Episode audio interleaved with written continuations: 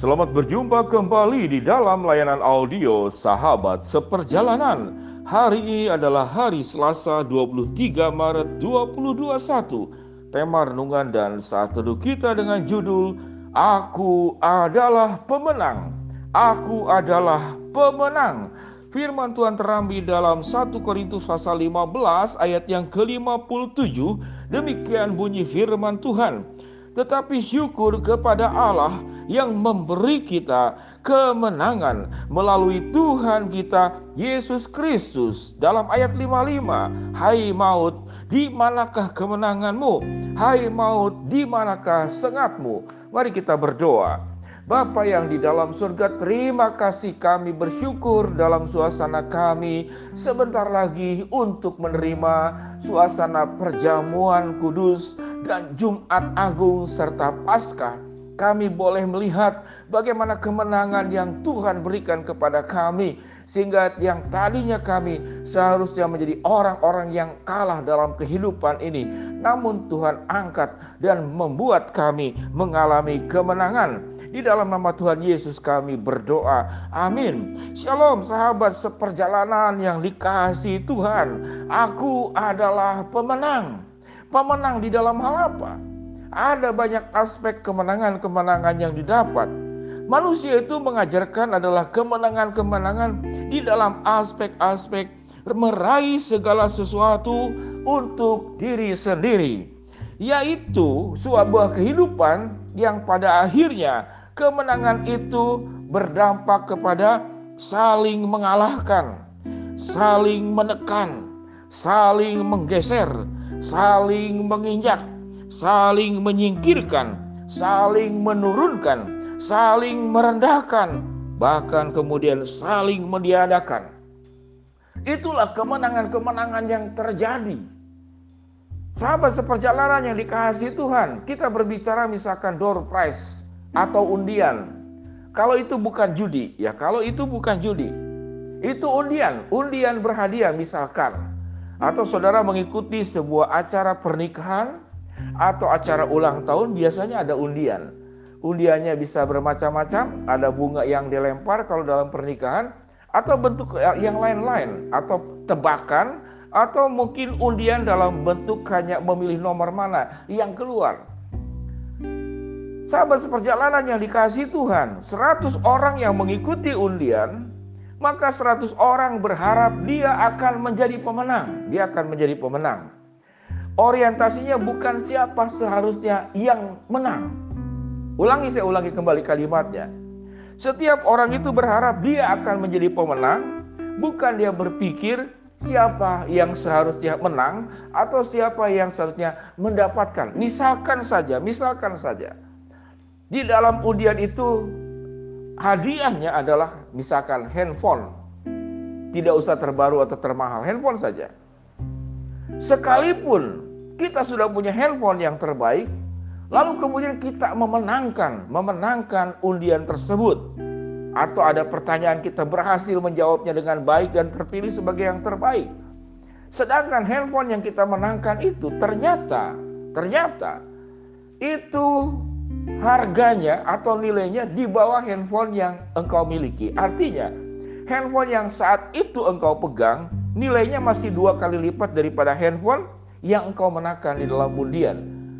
Maka saya percaya engkau tidak pernah akan melepaskan undian hadiah daripada handphone tersebut. Itu kalau engkau hanya berorientasi siapa yang menang.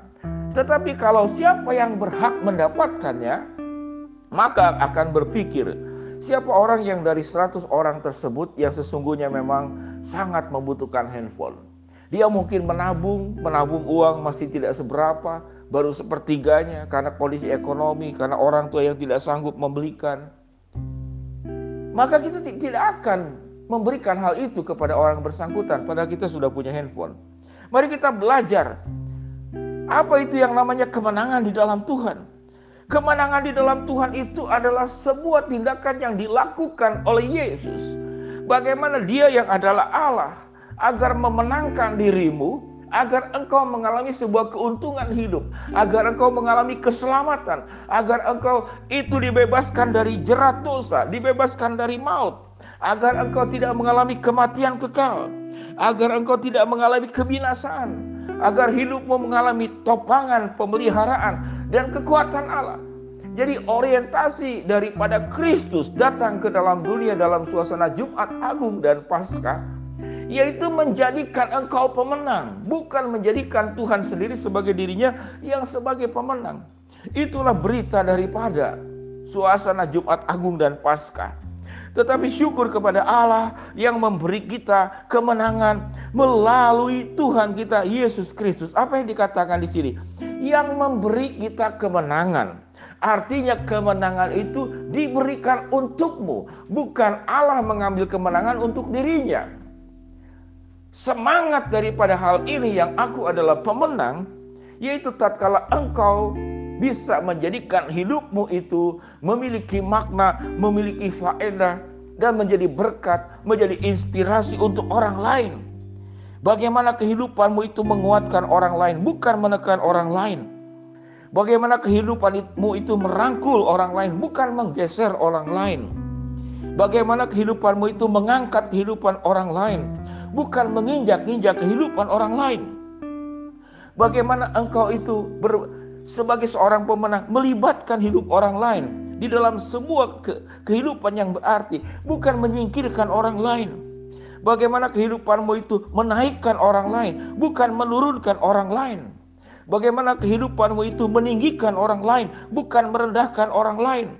Bagaimana kehidupanmu itu membuat orang lain itu memiliki kehidupan yang berarti, bukan kemudian meniadakan kehidupan orang lain.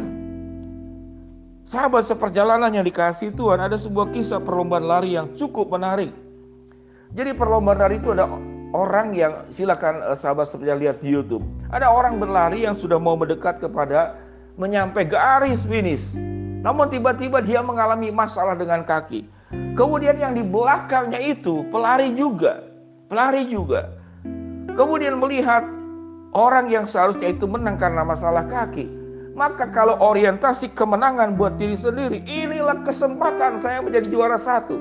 Untuk meninggalkan yang seharusnya juara satu namun dia punya masalah dengan kaki.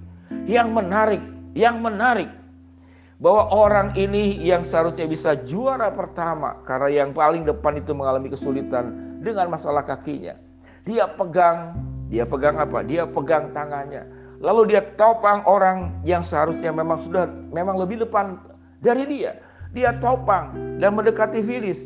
Dia julurkan orang yang sakit kaki itu untuk mencapai garis finish, untuk menyentuh tali ataupun kain atau bentuknya apa sebagai bentuk kemenangan. Lalu kemudian dia bertepuk tangan dan dia menunjukkan raut wajah yang sangat gembira.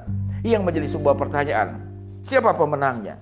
Kalau pemenang secara kemenangan memang yang dituntun karena dia yang lebih dahulu. Namun kalau berbicara tentang karakter, berbicara tentang kehidupan berarti, berbicara bagaimana engkau memberkati, kehidupan seperti demikian pada akhirnya itu adalah sebuah pilihan Apakah aku adalah pemenang semata-mata hanya untuk dirimu dan engkau memakai pola-pola dunia untuk meraih kemenangan? Ataukah kemenangan itu seperti Kristus yang dikatakan Allah yang memberi kita kemenangan? Allah yang memberi kemenangan buat dirimu bukan Tuhan mengambil kemenangan untuk dirinya sendiri. Pilihan, aku adalah pemenang, pemenang buat dirimu atau kehidupanmu yang menolong dan memenangkan kehidupan orang lain. Mari kita berdoa. Bapak yang di dalam surga, hambamu berdoa buat sahabat seperjalanan yang sedang sakit. Baik di rumah sakit maupun di rumah Tuhan jamah Tuhan sembuhkan. Buat sahabat seperjalanan yang sedang menghadapi kendala, kesulitan, masalah dan rintangan. Tuhan membukakan jalan. Buat sahabat seperjalanan yang sedang berdoa mengharapkan sesuatu. Tuhan kabulkan sesuai dengan kehendak waktu dan caramu. Di dalam nama Tuhan Yesus kami berdoa. Sahabat seperjalanan, jadilah pribadi, aku adalah pemenang. Karena engkau, kehidupanmu itu menolong dan memenangkan kehidupan orang lain. Untuk hidupnya semakin berarti, hidupnya mengalami kasih Kristus, mengalami keselamatan Kristus, dan mengalami segala sesuatu yang terbaik dari Allah. Shalom Tuhan memberkati kita semua. Amin.